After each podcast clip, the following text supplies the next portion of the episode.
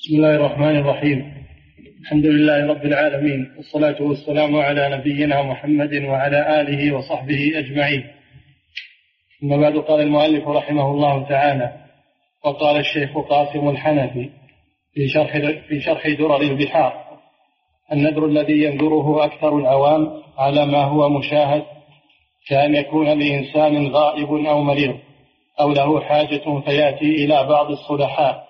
ويجعل على رأسه سترة ويقول يا سيدي فلان إن رد الله غائبي أو قضيت حاجتي فلك من الذهب كذا أو من الفضة كذا أو من الطعام كذا أو من الماء كذا أو من الشمع والزيت كذا. فهذا النذر باطل بالإجماع لوجوه منها أنه نذر لمخلوق والنذر للمخلوق لا يجوز لأنه عبادة والعبادة لا تكون لمخلوق. ومنها أن المنذور له ميت والميت لا يملك شيئا. ومنها أنه ظن أن الميت يتصرف في الأمور دون الله عز وجل. واعتقاد ذلك كفر إلى أن قال إذا علمت هذا فما يؤخذ من الدراهم والشمع والزيت وغيرها وينقل إلى ضرائح الأولياء تقربا إليهم فحرام بإجماع المسلمين. بسم الله الرحمن الرحيم. الحمد لله رب العالمين صلى الله وسلم على نبينا محمد على آله وصحبه. وبعد. أراد الشيخ رحمه الله أن ينقل كلام أهل العلم من المذاهب الأربعة على تحريم النذر لغير الله فذكر كلام الرافعي فيما سبق وهو من الشافعية. ذكر هنا كلام قاسم الشيخ قاسم الحنفي من الحنفية لأن من نذر للأضرحة فإن نذره حرام لأنه نذر معصية لأن النذر عبادة والعبادة لا تجوز إلا لله سبحانه وتعالى. فمن فعل العبادة لغير الله فإنه يكون مشركا. الشرك الأكبر. وأيضا هذا النذر حتى ولو كان في حي فإنه لا يجوز. لأنه فيما لا يقدر عليه إلا الله كشفاء المريض وإعطاء الولد. وغير ذلك. هذا لا يقدر عليه إلا الله. لا يقدر عليه لا الأحياء ولا الأموات. كيف إذا كان النذر لميت الأموات لا يجوز أن يطلب منهم شيء. لأنهم ليس عندهم قدرة على إجابة من دعاهم. كما قال الله جل وعلا إن تدعوهم لن يستجيبوا لكم. لئن تدعوهم لم يسمعوا دعاء. ولو سمعوا ما استجابوا لهم الميت ميت لكن انتقل من هذه الدنيا وصار من أهل الآخرة. ولا يسمع من دعاه ولا من طلب منه شيء. ولو سمعه ما قدر أن يجيبه. لأنه ميت إن تدعوهم لا يسمعوا دعاءهم ولو سمعوا ما استجابوا له. ويوم القيامة يكفرون بشيء ولا ينبئك مثل خبير. فهذا النذر معصية أيضا المال الذي يؤخذ بموجب هذا النذر حرام لأنه نذر لمعصية فما نتج عنه فإنه حرام. النذور التي تنذر للقبور وللأضرحة كلها من هذا الباب. نعم. نقله عنه ابن ابن نجيم في البحر الرائع ونقله المرشدي في تذكرته.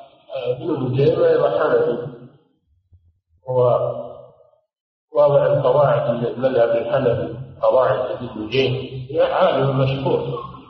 نقل هذا عن الشيخ قاسم الحنفي. نعم. ونقله المرشدي في تذكرته وغيرهما عنه وزاد وقد ابتلي الناس بهذا لا سيما في مولد البدوي. وقال الشيخ صنع الله الحلبي.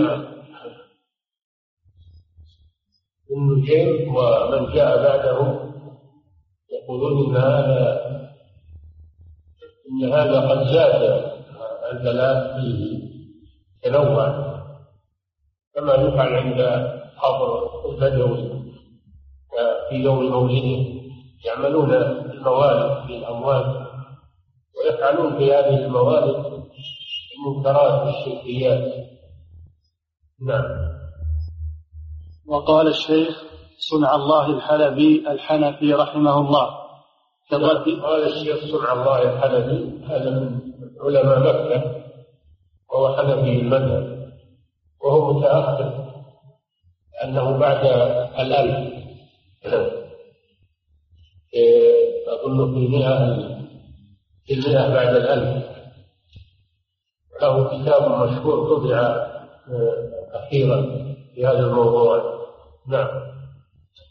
وقال الشيخ صنع الله الحلبي الحنفي رحمه الله في الرد على من أجاز الذبح والنذر للأولياء. فهذا فهذا الذبح والنذر إن كان على اسم فلان فهو لغير الله تعالى فيكون باطلا. وفي التنزيل ولا تأكلوا مما لم يذكر اسم الله عليه. قل إن صلاتي ونسكي ومحياي ومماتي لله رب العالمين لا شريك له. الذي يذبح للقبور هو من هذا ذبح الله ونسك لغير الله. فهو ميت ولا يحل أكله. شرك بالله عز وجل. نعم. والنذر لغير الله إشراك مع الله كالذبح لغيره. انتهى. نعم وكذلك النذر. إذا نذر له مالا فإنه فإن هذا النذر يكون شركا. لأن النذر عبادة. والعبادة لا تكون إلا لله عز وجل. نعم. قوله وفي الصحيح عن عائشة هذه أقوال الأئمة من غير الحنابلة في هذا الموضوع.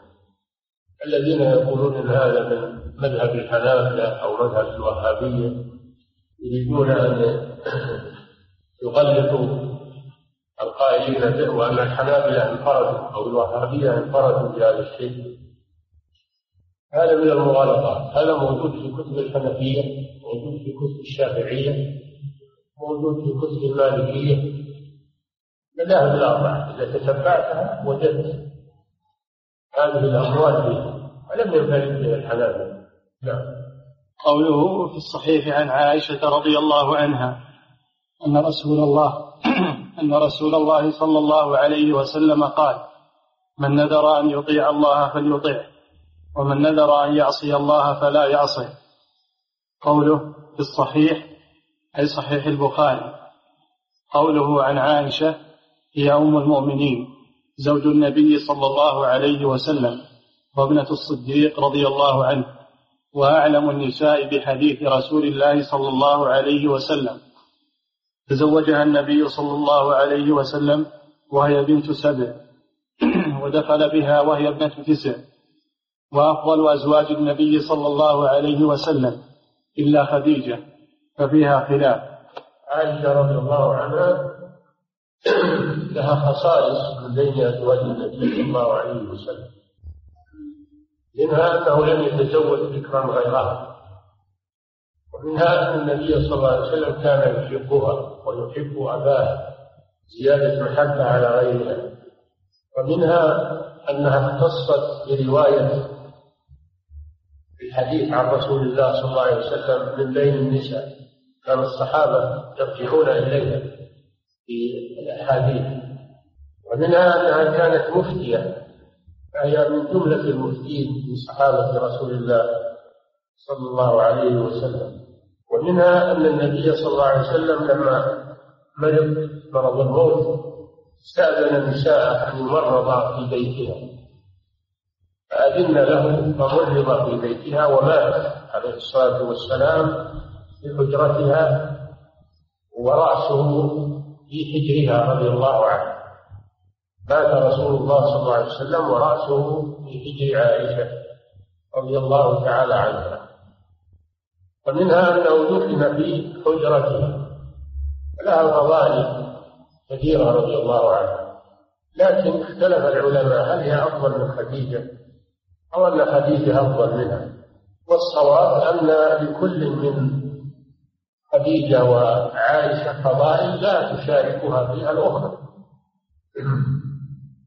لا شك أن خديجة لها فضائل مناصرة الرسول صلى الله عليه وسلم في أول البعثة ومواقفها مع الرسول صلى الله عليه وسلم مشهورة وأنها أم أولاده كلهم من كلهم من من من خديجة إلا إبراهيم. فإنه من مارية القبطية.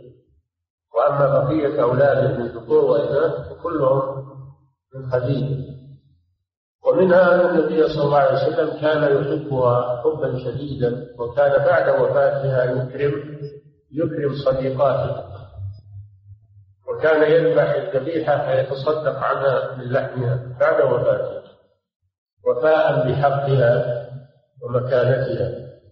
الصحيح أنه لا تفاضل بين عائشة وخديجة. كل منهما لها فضائل لا تشاركها فيها الأخرى. نعم. وأفضل أزواج النبي صلى الله عليه وسلم إلا خديجة ففيها خلاف. بل لا يقال خديجة أفضل ولا عائشة أفضل. هذا هو الصحيح أنه ما يفضل بعضهما على بعض. لأن لكل منهما فضائل خاصة بها. نعم. والتحقيق أن لخديجة من الفضائل في بدء الوحي ما ليس لعائشة من سبقها إلى الإيمان بالنبي صلى الله عليه وسلم وتأييده في تلك الحال التي بدأ بالوحي فيها كما في صحيح البخاري وغيره. فما زالت كذلك حتى توفيت رضي الله عنها قبل الهجرة. ولعائشة من العلم بالأحاديث والأحكام ما ليس لخديجة لعلمها بأحوال النبي صلى الله عليه وسلم ونزول القرآن بالأحكام وبيان الحلال والحرام.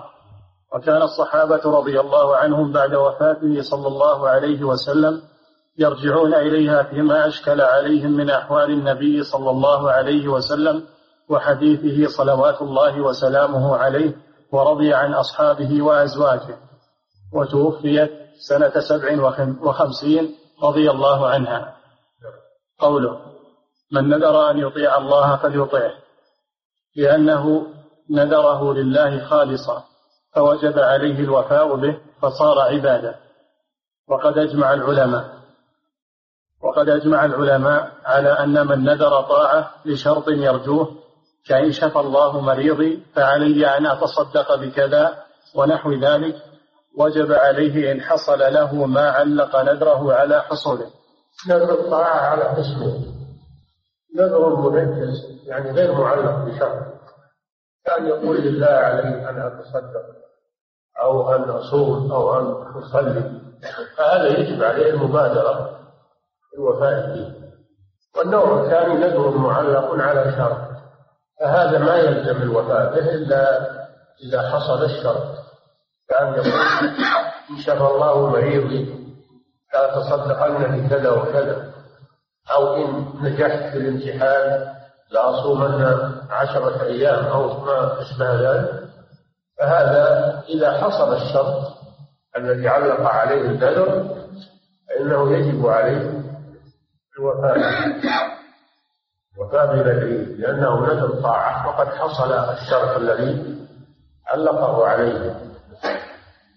ذم الله المنافقين أنهم لا يكون العهد الذي يعهدونه لله عز وجل.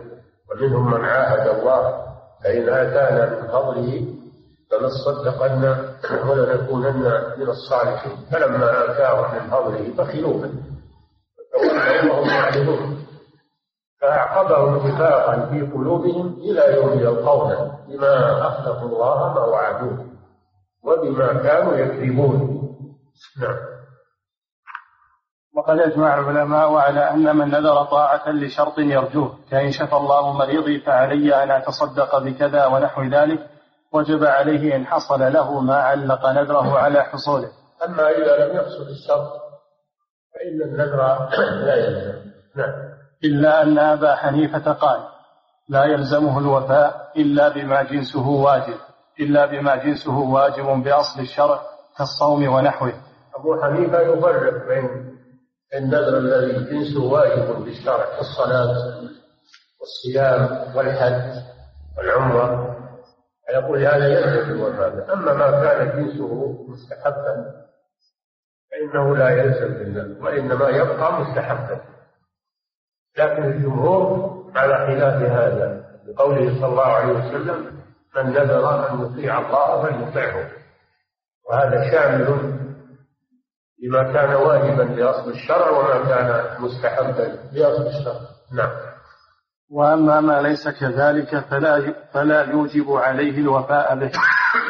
قوله ومن نذر أن يعصي الله فلا يعصه زاد الطحاوي وليكفر عن يمينه هذا بالإجماع أن من نذر نذر معصية فإنه يحرم عليه الوفاء به لكن هل يكون عليه كفارة يمين؟ على قولين.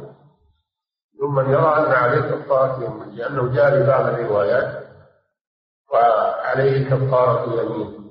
أول يكفر كفارة يمين كما في رواية الإمام الطحاوي رحمه الله. ومن العلماء من يرى أنه ليس عليه كفارة لأنه في هذا الحديث الصحيح قال ومن نذر أن يعصي الله فلا يعصي ولم يذكر الكفارة نعم. وقد أجمع العلماء على أنه لا يجوز الوفاء بنذر المعصية واختلفوا هل تجب فيه كفارة يمين؟ على قولين هما روايتان عن أحمد إحداهما تجب وهو المذهب. وروي عن ابن مسعود وابن عباس. وبه قال أبو حنيفة وأصحابه. قال المؤلف رحمه الله فيه مسائل. الأولى وجوب الوفاء بالنذر. قوله صلى الله عليه وسلم من نذر أن يطيع الله فليطيعه. هذا أمر الأمر يفيد الوجوب. نعم. الثانية إذا ثبت كونه عبادة لله فصرفه إلى غيره شرك. نعم. الفائدة الثانية وهي التي ساق المؤلف الحديث من أجلها أن النذر عبادة بدليل أن النبي صلى الله عليه وسلم سماه طاعة قال من نذر أن يطيع الله. سماه طاعة الطاعة عبادة. وأيضا الوصف الأبرار يوفون بالنذر. دل على أن هذا عبادة. العبادات أيضا قوله في صدقة. وما أنفقتم من نفقة أو نذرتم من نذر. إن الله يعلم. والصدقة عبادة فكذلك النذر. نعم. الثالثة أن نذر المعصية لا يجوز الوفاء به. قوله صلى الله عليه وسلم ومن نذر أن يعصي الله فلا يعصيه لأن معصية الله لا تجوز ابتداء ولا بالنذر. لا تجوز معصية الله. لا ابتداء ولا إذا نذرها. ولا يلزم النذر في هذا. نعم. قال المؤلف رحمه الله باب من الشرك الاستعاذة بغير الله. الاستعاذة هي طلب العون وهو اللجوء اللجوء إلى إلى المستعاذ به. الاستعاذة لا تجوز إلا بالله عز وجل لأنها عبادة. وجميع العبادات لا يجوز صرفها لغير الله عز وجل. نعم. وقول الله تعالى وأنه كان رجال من الإنس يعوذون برجال من الجن فزادوهم رهقا هذا دليل على أن الاستعاذة لا تجوز لغير الله لأن الجن لما أسلموا الجن لما أسلموا أنكروا ما كان يفعله قومهم. أنكروا ما كان يفعله قومهم في الجاهلية. ما كان يفعله الإنس معهم. كما في سورة الجن. لما لما ذكر جل وعلا أن الإنس أن الجن استمعوا إلى القرآن. استمعوا إلى الرسول صلى الله عليه وسلم وهو يقرأ القرآن. فأعجبهم هذا القرآن وعلموا أنه من عند الله. فأسلموا وذهبوا إلى قومهم. فأخبروهم بذلك ودعوهم إلى الله. وإن صرفنا إليك نفرا من الجن. يستمعون القرآن. فلما حضروه قالوا أنصت. فلما قضي ولوا إلى قومهم منذرين. قالوا يا قومنا إنا سمعنا قرآنا. إنا سمعنا كتابا أنزل من بعد موسى. مصدقا لما بين يديه يهدي إلى الحق وإلى طريق مستقيم. يا قومنا أجيبوا داعي الله وآمنوا يغفر لكم من ذنوبكم. ويجيبكم من عذاب أليم وهذا في مرجعه صلى الله عليه وسلم من الطائف. لما ذهب إلى أهل الطائف يدعوهم إلى الله وردوا عليه ردا قبيحا. رجع صلى الله عليه وسلم إلى مكة فبينما هو يصلي في مكان يقال له وادي نخلة صلي الفجر. في مكان يقال له وادي نخلة. سمى الآن في نخلة اليمانية. على جانب الطريق. لما سمعوه أعجبهم القرآن. فقالوا هذه المقال. وفي سورة الجن قال تعالى قل أوحي إلي أنه استمع نفر من الجن. استمع نفر من الجن. فقالوا إنا سمعنا قرآنا عجبا يهدي إلى الرشد فآمنا به ولن نشرك بربنا أحدا. وأنه تعالى جد ربنا اتخذ صاحبة ولا ولدا وأنه كان يقول سفيهنا على الله شططا وأنا ظننا أن لن تقول الإنس والجن على الله كذبا وأنه كان رجال من الإنس يعودون برجال من الجن فزادوهم رهقا هذا من باب الاستنكار على هؤلاء الإنس الذين يستعيذون بالجن أنكروا عليهم هذا وأنكروا على الجن أنهم يرضون بهذه الاستعاذة. فدل على أن الاستعاذة لا تجوز إلا بالله عز وجل وأنها عبادة لله عز وجل. نعم. وعن خولة بنت حكيم رضي الله عنها قالت سمعت رسول الله صلى الله عليه وسلم أنه كان رجال من الإنس. بني آدم يعودون برجال من الجن من ذرية الشيطان فزادوهم رهقا. الجن زادوا الإنس رهقا يعني خوفا. قال وهكذا كل من خاف من غير الله ولجأ إلى غير الله فإن ذلك لا يزيده إلا خوفا ورعبا. بخلاف من لجأ إلى الله واستعاذ بالله فإن ذلك يزيده إيمانا وقوة واطمئنانا. الذين آمنوا وتطمئن قلوبهم بذكر الله ألا بذكر الله تطمئن القلوب.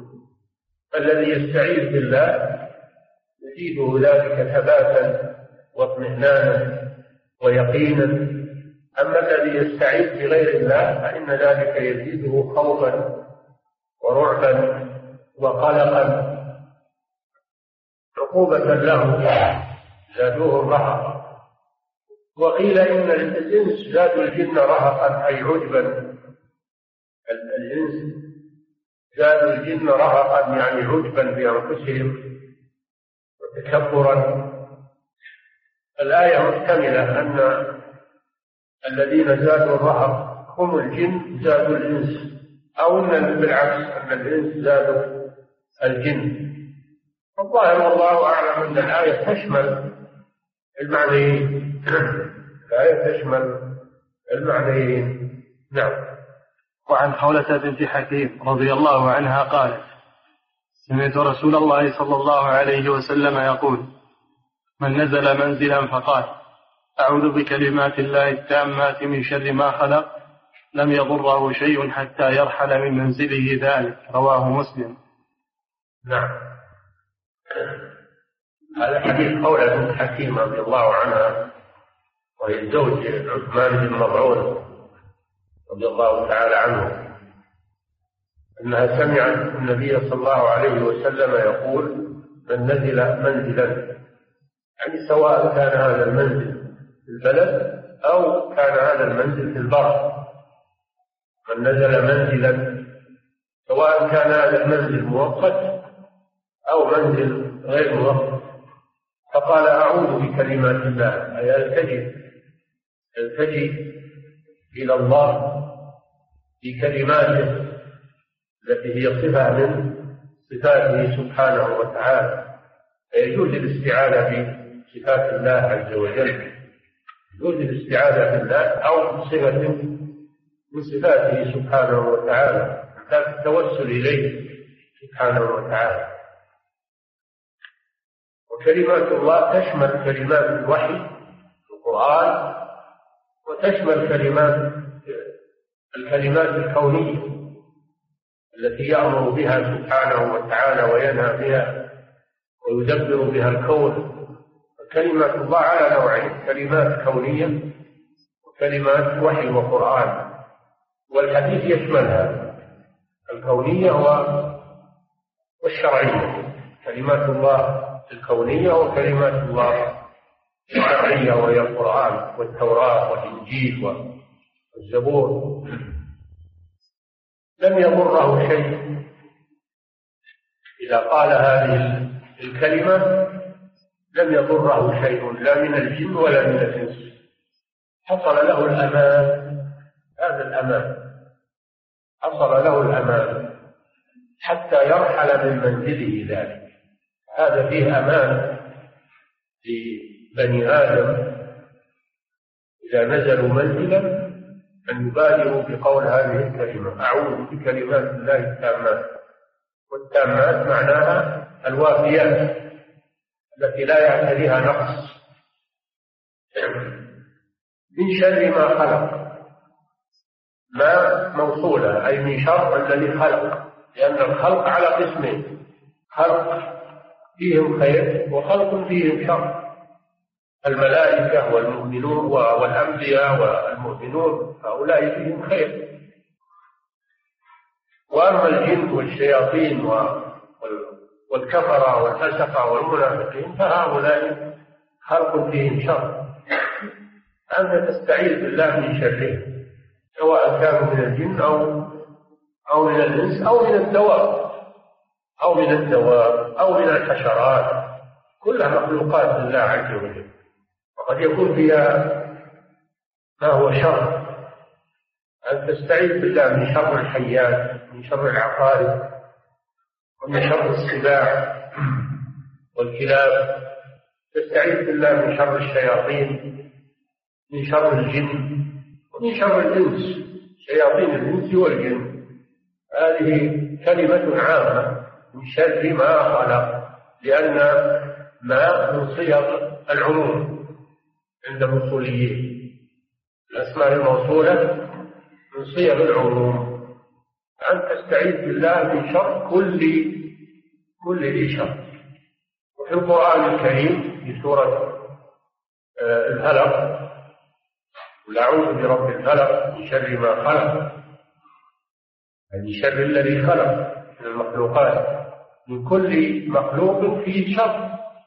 ولا يدفع هذا الشر إلا الخالق سبحانه وتعالى. ولو سلطه عليك ما استطاع أحد أن يدفعه. فمن استعاذ بكلمات الله التامات عند نزوله المنزل حصل له الأمان. فلا يضر شيء حتى يرحل من منزله فهذا فيه دليل على مسائل. المسألة الأولى مشروعية الاستعاذة بالله عز وجل عند نزول المنزل سواء كان في السفر أو في الحضر. وأن يبادر الإنسان بالاستعاذة بالله أول ما ينزل. وأما الذين يعملون عمل أهل الجاهلية.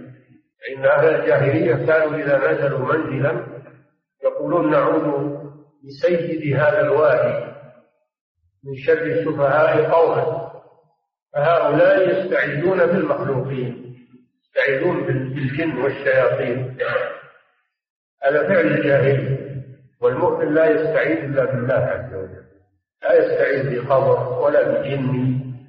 ولا بإنس ولا بأي شيء إلا بالله وجل وكذلك ما يفعله كثير من الجهال ومن يقلدهم والمشركون ويقلدهم بعض الجهلة من أنه إذا نزلوا منزلا أو افتتحوا مصنعا من المصانع يذبحون ذبيحة يتقون بها شر الجن.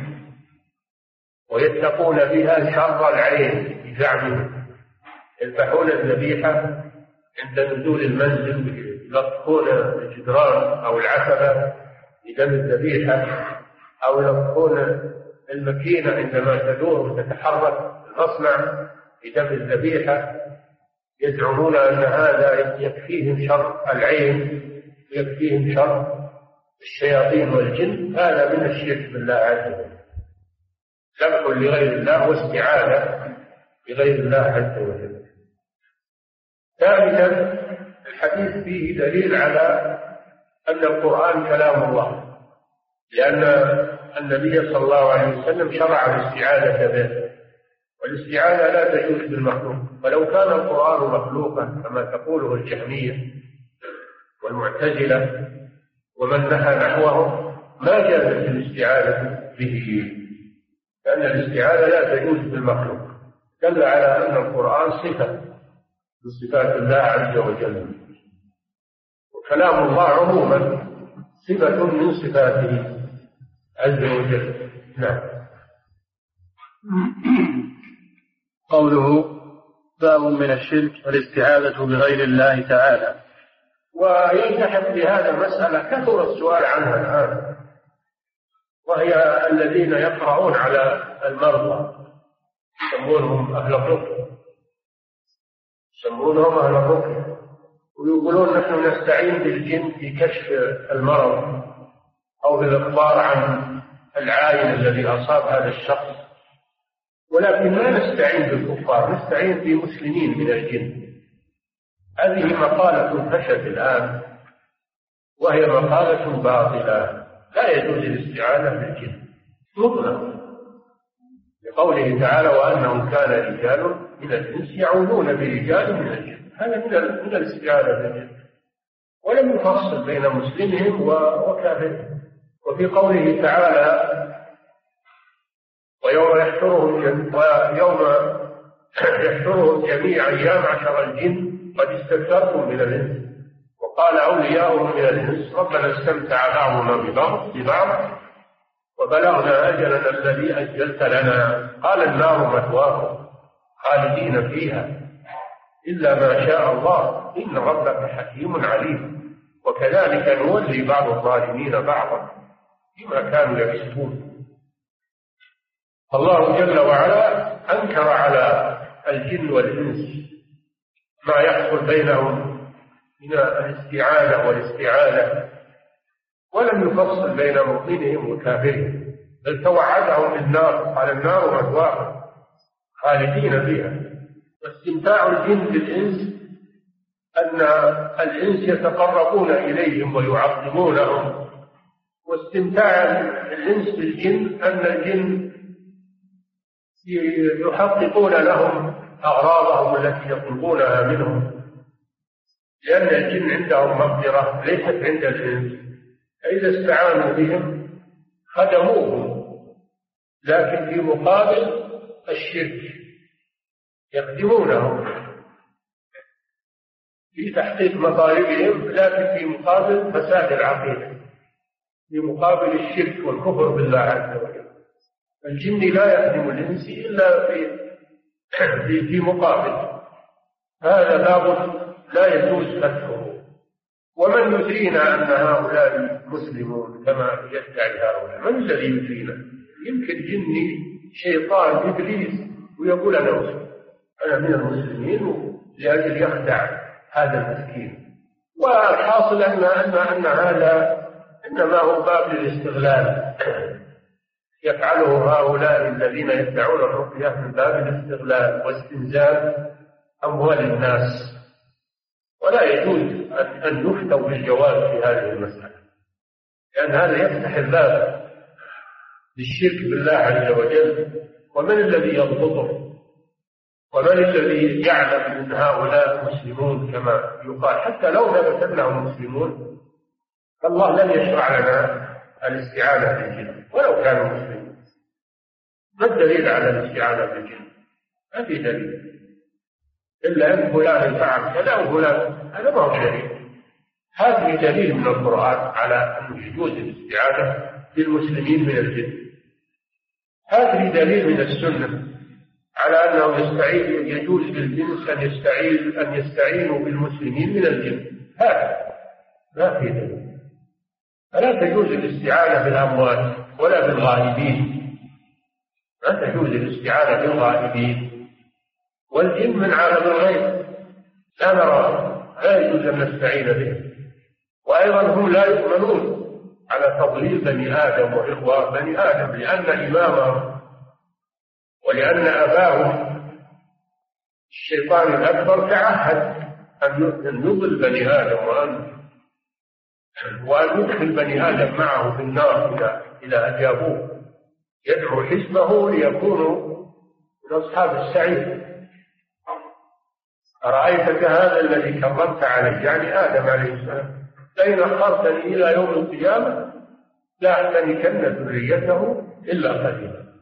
فمن الذي يؤمن المسلمين من بني آدم يؤمنهم من شر الجن شر الشياطين. حتى يقولوا هذا مسلم وهذا كافر ويستعينون به. ولكن والمشكل أن بعض الناس يصدقونه في هذا. أو بعض الناس افتوهم بالجواز هذا غلط. وخلل في العقيده يجب التنبه له. نعم. قوله باب من الشرك الاستعاذة بغير الله تعالى. نعم. الاستعاذة الالتجاء والاعتصام. فالعائد قد هرب إلى ربه والتجأ إليه مما يخافه عموما وخصوصا. قال ابن القيم رحمه الله تعالى وما يقوم بالقلب من الالتجاء إلى الله والاعتصام به والانطراح بين يدي الرب والافتقار إليه والتذلل له أمر لا تحيط به أمر لا تحيط به العبارة. انتهى. وقد أمر الله عباده في كتابه بالاستعاذة به في مواضع كقوله وإما ينزغنك من الشيطان نزغ فاستعذ بالله إنه هو السميع العليم. وقال فإذا قرأت القرآن فاستعذ بالله من الشيطان الرجيم. وفي المعوذتين وغير ذلك. نعم الله شرع الاستعاذة به سبحانه. أمر بذلك قول فاستعذ بالله. عند نزل الشيطان وعند ما يريد المسلم تلاوة القرآن. وفي سورة المعوذ سورتي المعوذتين. قل أعوذ برب الفلق قل أعوذ برب الناس. أمر الله جل وعلا بالاستعاذة برب الفلق وبرب الناس. نعم. فهي عبادة لا يجوز أن تصرف لغير الله كغيرها من أنواع العبادة. نعم. قوله وقول الله تعالى وأنه كان رجال من الإنس يعوذون برجال من الجن فزادوهم رهقا. قال أبو جعفر ابن جرير رحمه الله تعالى في تفسيره هذه الآية عن ابن عباس رضي الله عنه قال كان رجال من الإنس يبيت أحدهم بالوادي في الجاهلية فيقول أعوذ بعزيز هذا الوادي. فزادهم ذلك إثما. وقال بعضهم فزاد الإنس الجن باستعاذتهم بعزيزهم جراءة عليهم وازدادوهم بذلك إثما. وقال مجاهد فازداد الكفار طغيانا. وقال ابن زيد وزادهم الجن خوفا. وقد أجمع العلماء. وهذه الأقوال ما تتناقض. كلها كلها تشملها الآية الكريمة.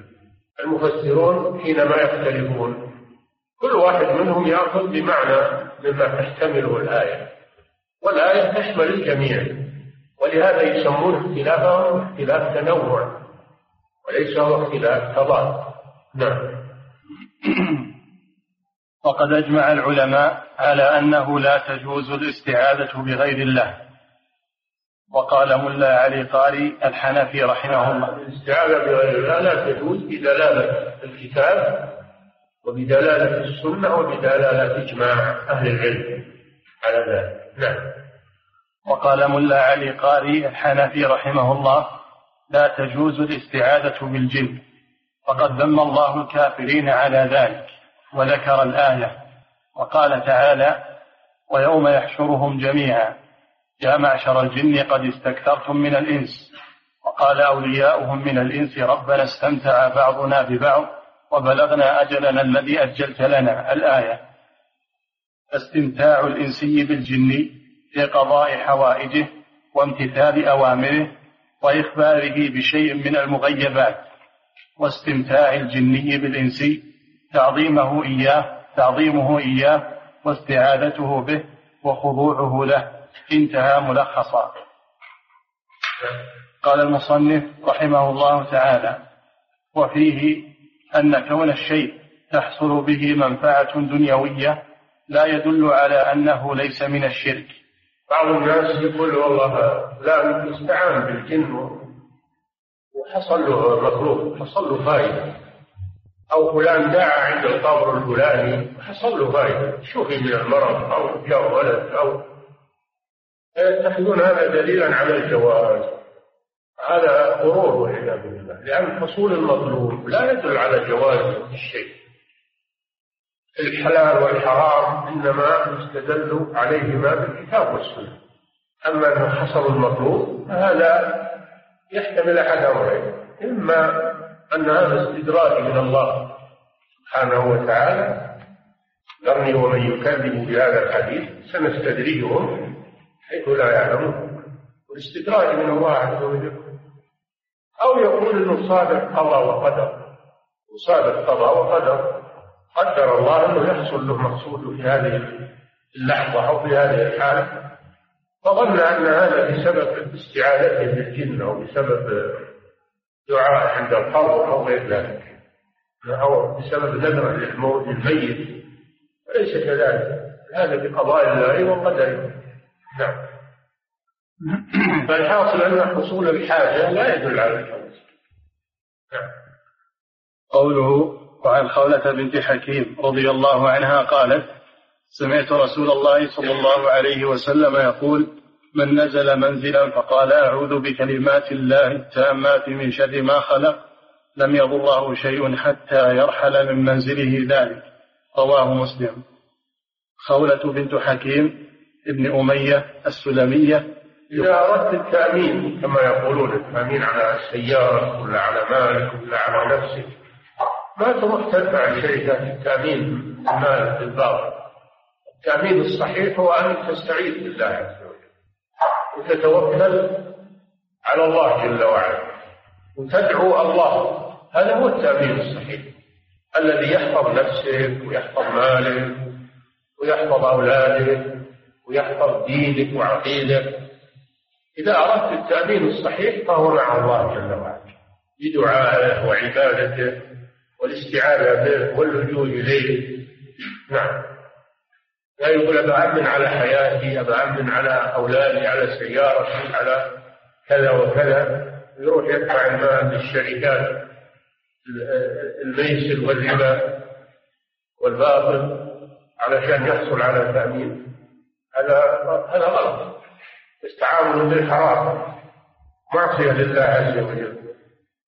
الله أعطاك كيف تؤمن على نفسك كيف تؤمن على مالك كيف تؤمن على أولادك كيف تؤمن على صحتك.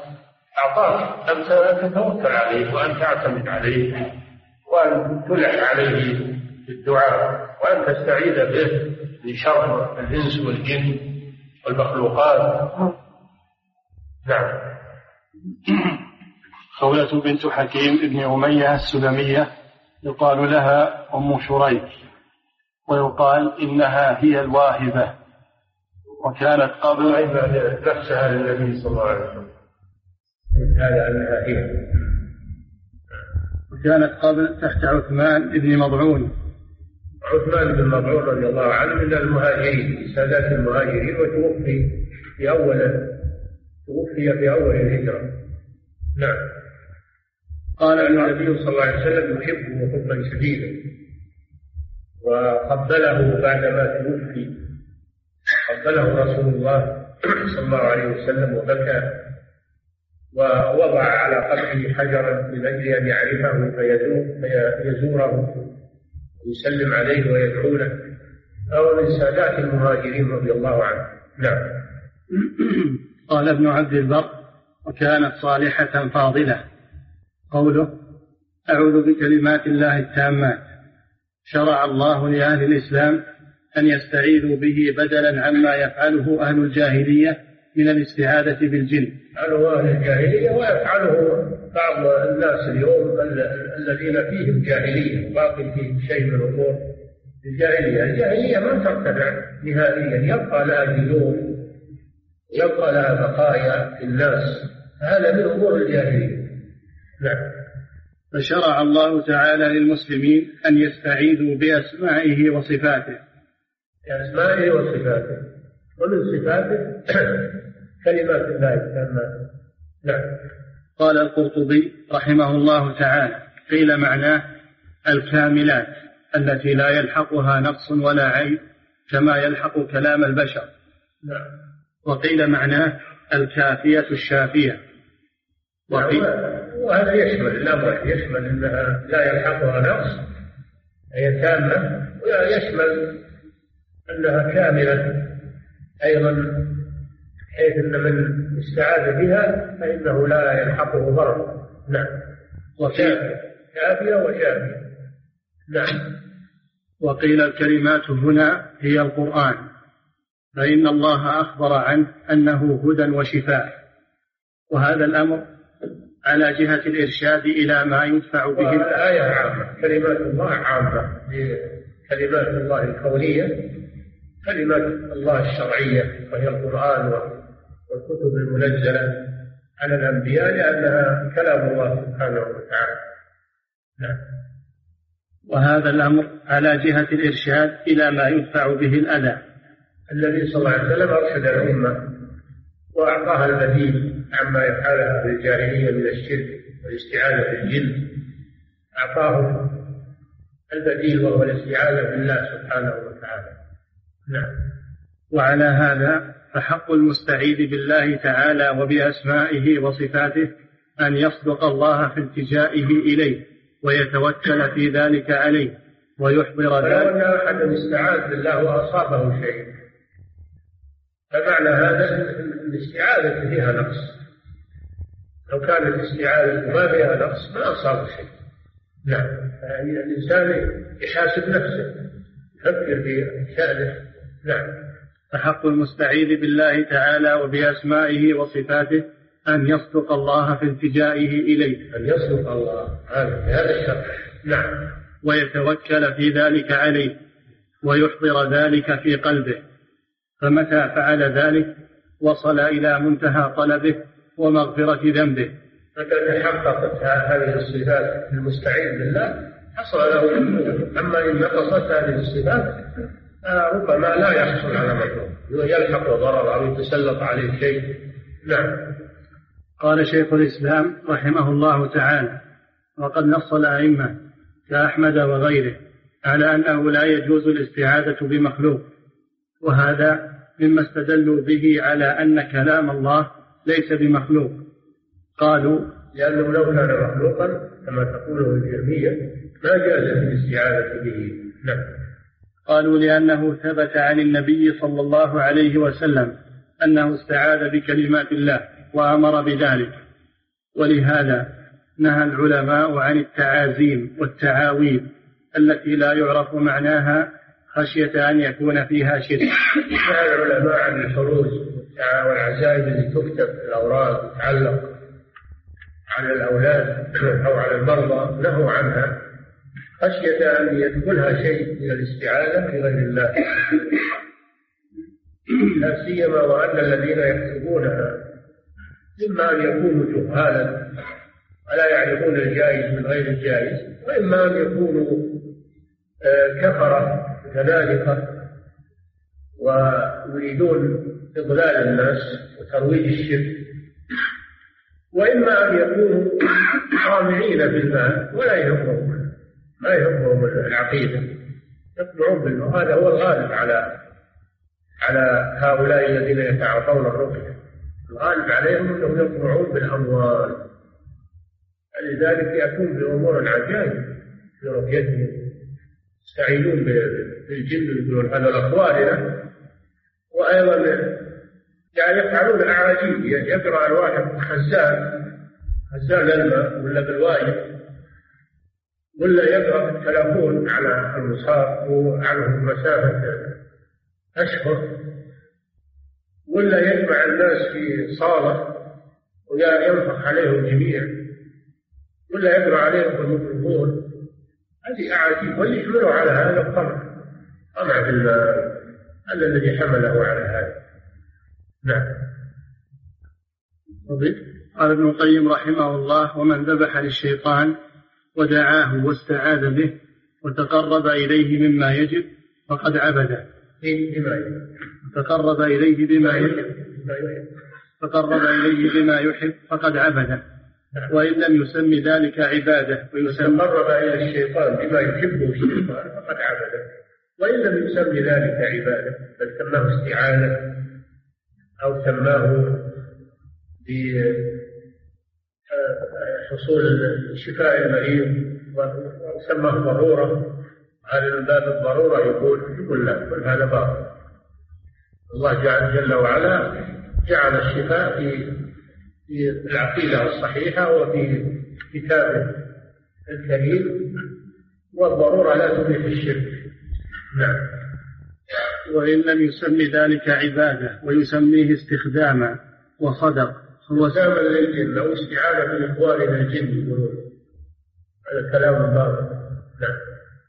وصدق هو استخدام من الشيطان له فيصير من خدم الشيطان وعابديه ولذلك يخدمه الشيطان. لكن خدمة الشيطان له ليست خدمة عبادة فإن الشيطان لا فإن الشيطان لا يخضع له. ولا يعبده كما هو يفعل به. استخدام الجن هذا عبادة. أما العبد وهو استخدام الجن للإنس هذا ليس عبادة لأن الجن لا يعبدون الإنس لكن العكس هو الإنس هم الذين يعبدون الجن. نعم. قوله من شر ما خلق. قال ابن القيم من كل شر. في أي مخلوق قام به الشر من حيوان أو غيره إنسيا كان أو جنيا أو هامة أو دابة أو ريحا أو صاعقة أو أي نوع كان من أنواع البلاء في الدنيا والآخرة. شر ما ما عامة عامة في كل مخلوق فيه شر من الجن والإنس والرياح والدواب والحشرات والحيات وغير ذلك. نعم وما ها هنا موصولة ليس إلا. ليست ليست مصدرية وإنما هي موصولة. أي من شر الذي خلق نعم. وليس المراد بها العموم الإطلاقي بل المراد التقييد الوصف. ما كل ما خلق الله في شر ليس المراد بها العموم المطلق. لأن ما كل ما خلق الله في شر الله خلق الملائكة وخلق الأنبياء والرسل. وخلق الصالحين والمؤمنين. هؤلاء ليس فيهم شر. نعم. وليس المراد بها العموم الإطلاقي بل المراد التقييد الوصفي والمعنى من شر كل مخلوق فيه شر. لا من شر. أما المخلوق الذي ليس فيه شر فأنت لا تستعيذ منه. نعم. والمعنى من شر كل مخلوق فيه شر لا من شر كل ما خلقه الله. فإن الجن فإن الجنة والأنبياء والملائكة ليس فيهم شر. والجنة مخلوقة وليس فيها شر. والملائكة والرسل عليهم الصلاة والسلام وعباد الله الصالحون كلهم خير وليس فيهم شر. نعم. والشر يقال على شيئين على الألم وعلى ما يفضي إليه. نعم. قال رحمه الله فيه مسائل. الأولى تفسير آية الجن. وأنه كان رجال من الإنس يعودون برجال من الجن. فسره في الحديث أنهم كانوا إذا نزلوا في منزل يقول أحدهم أعوذ بسيد هذا الوادي من شر سفهاء قومه. نعم. الثانية كونه من الشرك. الثانية كونه كون الاستعاذة بالله الاستعاذة بغير الله من الشرك. لأن الاستعاذة عبادة. وإذا كانت الاستعاذة عبادة فصرفها لغير الله شرك. نعم. الثالثة الاستدلال على ذلك بالحديث لأن العلماء يستدلون به على أن كلمات الله غير مخلوقة. قالوا لأن الاستعاذة بالمخلوق شرك. نعم. الاستعاذة بكلمات الله لا يدل على أن كلمات الله ليست مخلوقة. لأن الاستعاذة بالمخلوق شرك. نعم. الرابعة فضيلة هذا الدعاء مع اختصاره. لم يضره شيء حتى يرحل من منزله ذلك. هذه فضيلة عظيمة. مع اختصار هذا الدعاء أعوذ بكلمات الله التامات من شر ما خلق. هذه كلمات يسيرة ويترتب عليها خير كثير وأمان عظيم من شر المخلوقات. ما يحتاج انك تقعد تقرا كل الليل أو كل أو تحضر القرى كما يفعل بعض الناس تحضرهم في المنزل يقرون انك تجيب كتاب مملوء من الدعوات وتقعد تقراه كل الليل. يغني عن هذا هذا الدعاء الذي علمه الرسول صلى الله عليه وسلم والذي يستطيعه المتعلم والعامي وكل أحد. يسر ولله الحمد. مختصر. وليس فيه مشقة. نعم. الخامسة أن كون الشيء يحصل به منفعة دنيوية من كف شر أو جلب نفع لا يدل على أنه ليس من الشرك. هذه قاعدة حصول المقصود لا يدل على جواز الفعل. يقول فلان استعان بالجن نفعه ذلك أو فلان طلب من الميت كذا وحصل مقصوده يقولون القبر هذا مجرب ما جاء أحد ودعا عنده لا ينجح أو ما أشبه ذلك من الكلام الباطل.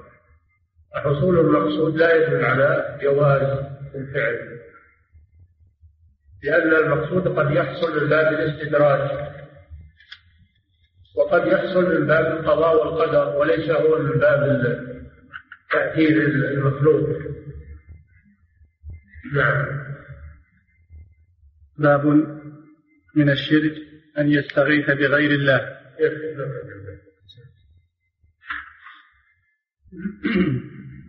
فضيلة الشيخ وفقكم الله. قوله صلى الله عليه وسلم من قال حين يصبح ويمسي ثلاثا أعوذ بكلمات الله التامات الحديث ثم قال لم يضره شيء فمن قال هذا عند المساء مثلا فهل يكفيه عن إعادة هذا الذكر عند نزول منزل أم أنه يعيده؟ هذا الذكر موظف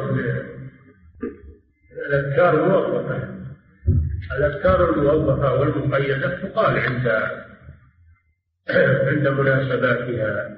فإذا أمسى يقول هذا الذكر وإذا أصبح يقول هذا الذكر وإذا نزل منزلا أيضا يقول هذا الذكر. الأذكار المقيدة تفعل عند حصول ما قيدت به من مكان أو زمان. نعم. فضيلة الشيخ وفقكم الله. ما حكم الاستعانة بشخص غائب في شيء يقدر عليه المخلوق؟ لا يجوز الاستعانة بالغائب لأن الغائب ما يسمع. الغائب ما يسمع.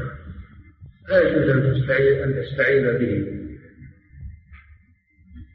سواء كان ميتا أو حيا لا يجوز. إلا إذا كان يسمعك ويقدر على إعانته. نعم. فضيلة الشيخ وفقكم الله. إذا قرأت على مريض وتكلم الجني وقال إن السحر بالمكان الفلاني ثم وجدنا السحر وأحرقناه ثم شفي المريض فهل هذا العمل جائز؟ علما بأنني لم أستعمل إلا آيات القرآن الكريم فقط. وإذا كان غير جائز أليس هذا يغلق باب الذهاب إلى السحرة؟ هذا إذا أخبرت الجن بأن السحر في مكان كذا وذهبت وجدته في مكان كذا. ما هو من باب الاستعانة بالجن. أو من باب الاستعانة بالجن وإنما هو من باب الوقوف على الواقع. الوقوف على الأمر الواقع. فإذا وجدته في المكان وأثبته فلا بأس بذلك. وليس هذا من الاستعانة بالجن ولكن هو لما ضيقت عليه بالقرآن وأرهقته بالقرآن اعترف. فأنت تذهب إلى المكان فإذا وجدت السحر تتلفه حتى لو ما قالك الجن. لو وجدت السحر تتلفه ولو ما قالك الجن إنه في مكان كذا. نعم. فضيلة الشيخ وفقكم الله. يستدل من قال بالاستعانة بالجن في القراءة بقول النبي صلى الله عليه وسلم من استطاع منكم أن ينفع أخاه فليفعل. والمسلمون من الجن إخوانا لنا إخوان لنا وبإمكانهم مساعدتنا في شيء يقدرون عليه. فماذا نقول لهم وبماذا نجيب على دليلهم هذا؟ أصل استدلاله له أن من استطاع أن ينفع أخاه يعني من الحاضرين الأحياء الأحياء الحاضرين. أما الميت وأما الغائب هذا ما يستطيع. ومن الذي يؤذنك انه الشيطان أو انه كافر ما الذي يدلك عليه؟ قد يكون يريد اضلالك ويريد اغوائك واستدراجك في هذه الأمور. يجب الحذر من هذا من هذا الأمر. وأما الحديث هذا خاص بالحي الحاضر الذي عنده. يستطيع يستطيع انه يساعد من الأحياء الحاضرين. وأما الجن وأما الغائب فلا يجوز الاستعانة به وليس هو من اخوانك يعني يصير الجن اخوه أو الشيطان اخوه الحديث يدل على هذا. من استطاع أن ينفع اخاه يعني من المؤمنين. اللي تعرفهم إنهم مؤمنين. تعرف تعرف هذا الشخص إنه مسلم وأنه يصلي مع المسلمين وأنه صاحب عقيدة. لكن الجن ما تعرفه ولا تدري لا. فضيلة الشيخ وفقكم الله. أخي يدعي أنه يتعامل مع الجن وأنهم يعينونه. وهو لا يصلي وقد نصحته وحاول إيذائي ووالدتي وأخواتي يصدقونه ويقدمونه حتى إني أصبحت أخشى زيارتهم وهو موجود وأصبحت لا أتعامل معه وإن وجدته سلمت عليه اتقاء لشره وشر شياطينه. فبماذا تنصحونني وفقكم الله؟ عليك بالتوكل على الله عز وجل وعليك بمقاطعة هذا الخبيث الذي لا يصلي ويستعين بالجن عليك بمقاطعته وبغضه وبغضه والابتعاد عنه واستعن بالله واستعن بالله ولا يضرك إن شاء الله. ما يضرك إذا اعتمدت على الله وتوكلت على الله وصدقت اللجوء إلى الله سبحانه وتعالى فانه لا يضرك. وقطعت المودة معه والمحبة معه. نعم. فضيلة الشيخ وفقكم الله ما الحكم في بعض القراء الذين يقرؤون على المرضى في المكفوفون أو بالنفس عليهم وهم مجتمعون في صالة أو القراءة على الماء في الوايد وهكذا. هل يعد هذا حراما؟ نعم. هذا يعد غير صحيح. ولعباد الرقية التي فعلها النبي صلى الله عليه وسلم وفعلها أهل العلم. عباد الرقية تجمع ناس يصالة وتنطق عليهم جميعا. قال هذا. هل هذا من فعل السلف؟ أو يقرأ في وايد ماء أو في خزان أرضي أو خزان آه، سطح أو غير ذلك. هل هذا من المبالغات. ما أنزل الله بها من سلطان والدافع لهذا هو الطمع. طمع في الله نعم. فضيلة الشيخ وفقكم الله. ذكرتم حفظكم الله أن الدعاء بحديث خولة يشرع في السفر والحضر. فكيف يكون في الحضر؟ هل يقال كلما دخل المنزل أو ركب السيارة؟ أم يقال إنه خاص بالسفر لأن الظاهر يدل على أنه خاص بالسفر. إذا نزل منزلا أول ما تنزل المنزل الجديد. أول ما تنزل المنزل الجديد في الحضر. تقول هذا أو كل ما تدخل لا. أول ما تنزل مثلا تاجرت بيت أو بنيت بيت ثم نزلت فيه أول ما تنزل تقول هذا في كيف نعم فضيلة الشيخ وفقكم الله من قال هذه العبارة لله علي أن أذبح كذا من الغنم عند قبر فلان إن ولد لي ولد أو شفي مريضي هل يكون مشركا ولماذا؟ نعم الذبح عند القبر إن كان يريد التقرب إلى القبر يكون مشركا وإن كان يريد التقرب إلى الله عند القبر هذا بدعة. ووسيلة من وسائل الشرك. وعلى كل حال هذا النذر لا يجوز لأنه معصية سواء كان شركا أو وسيلة إلى الشرك لا يجوز تنفيذه نعم. فضيلة الشيخ وفقكم الله. ما حكم الذبح عموما بعد حصول مطلوب شكرا لله. لا بأس بالذبح لله عز وجل والتصدق بثمنه هذا يكون عبادة إذا ذبحته وصدقت بلحمه إذا ذبحته وتصدقت بلحمه على المحتاجين هذا يكون عبادة. أن الصدقة عبادة. وأما إذا ذبحته لأغنياء أو ناس ما هم محتاجين عند حصول شيء يذبحه فهذا من المباحات. هذا يكون من المباحات ما هو من العبادة.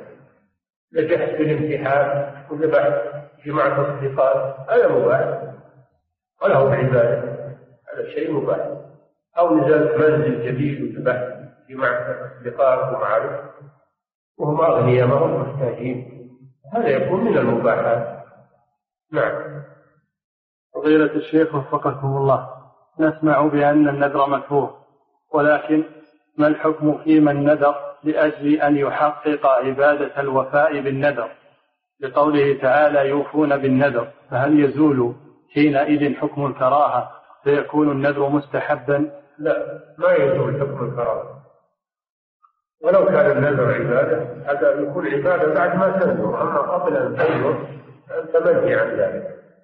وباب العبادة مفتوح إذا رأيت أردت تصدق روح المكان بدون نذر.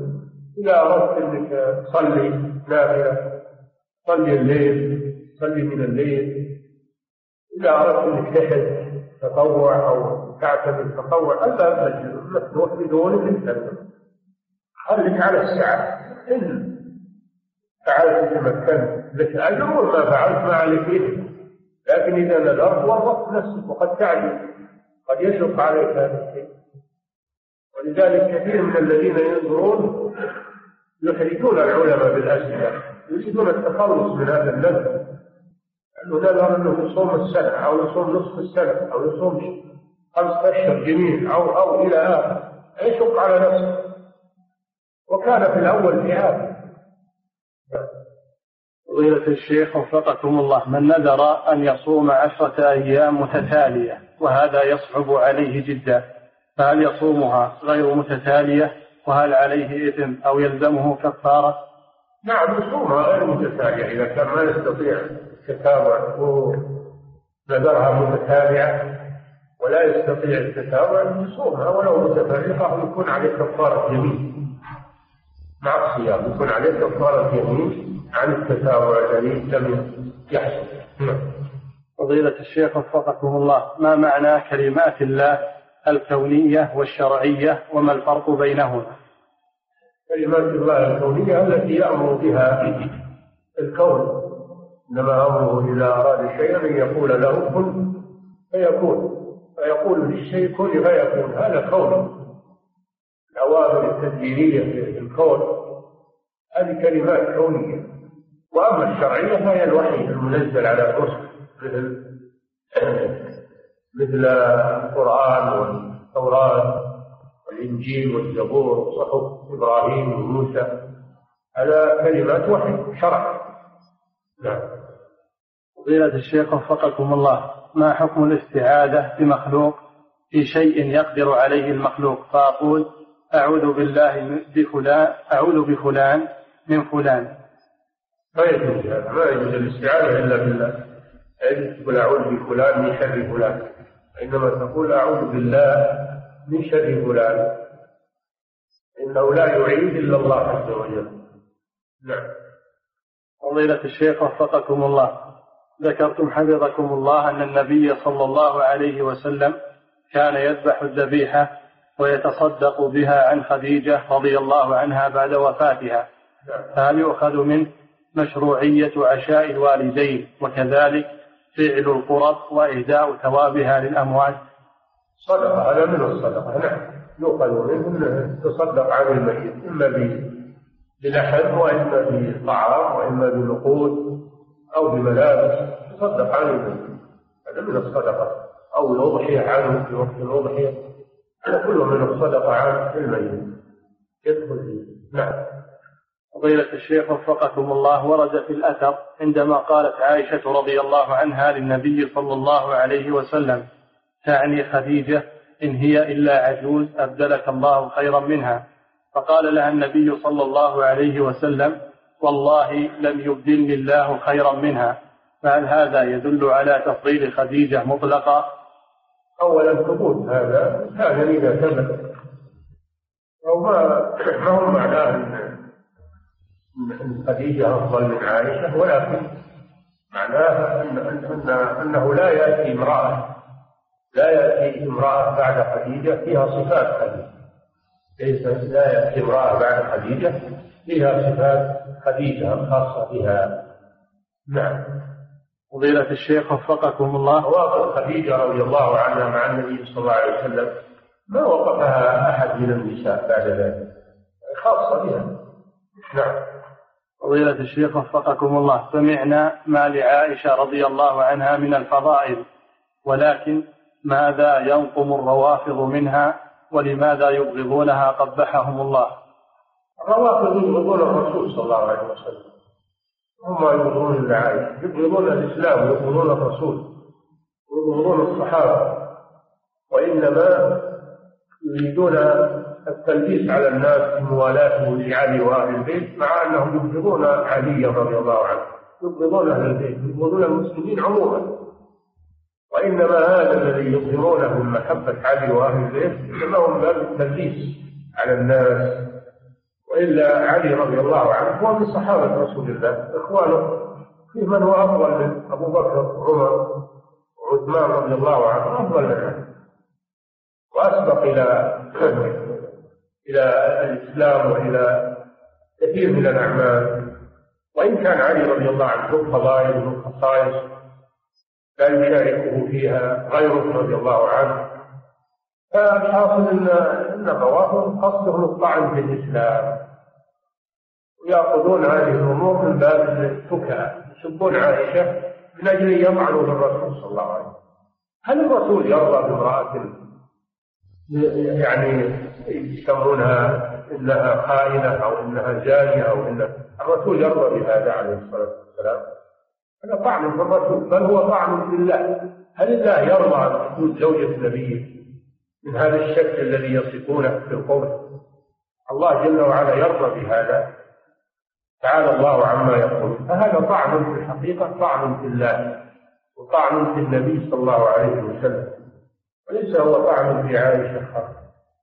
قال الله جل وعلا الخبيثات للخبيثين والخبيثون للخبيثات والطيبات للطيبين والطيبون للطيبات. فلم يكن الله يختار عائشة لرسوله صلى الله عليه وسلم وفيها شيء من ما يقوله هؤلاء الكفرة الأعداء لله ولرسوله. فهذا طعن في الشرع وطعن في كتاب الله الذي برأ عائشة رضي الله عنها وطعن في الرسول صلى الله عليه وسلم وفي فراش الرسول عليه الصلاة والسلام. نعم. فضيلة الشيخ وفقكم الله. ما حكم الذهاب إلى القراء الذين يقرؤون بالقرآن الكريم؟ وهم لا يتقاضون أي مبلغ مالي وإنما يقرؤون على المرضى احتسابا لله ولكن يقرؤون بالميكروفون ويحصل وقد حصل النفع والتأثر بقراءتهم. فهل يجوز الذهاب له؟ لا اللي يعمل هذا العمل يضرب الميكروفون لا تذهب لأن هذه مبالغة. استعمال الرقية وربما تتوسع أو المسلم يتأدب بآداب الشرع. ما ورد في الرقية أن تعمل هكذا الواجب التقيد بالرقية الشرعية وعلى الصفة الشرعية. الذي يتوسع في هذه الأمور لا تذهب إليه. نعم. والله تعالى أعلم صلى الله وسلم على نبينا محمد وعلى آله وصحبه.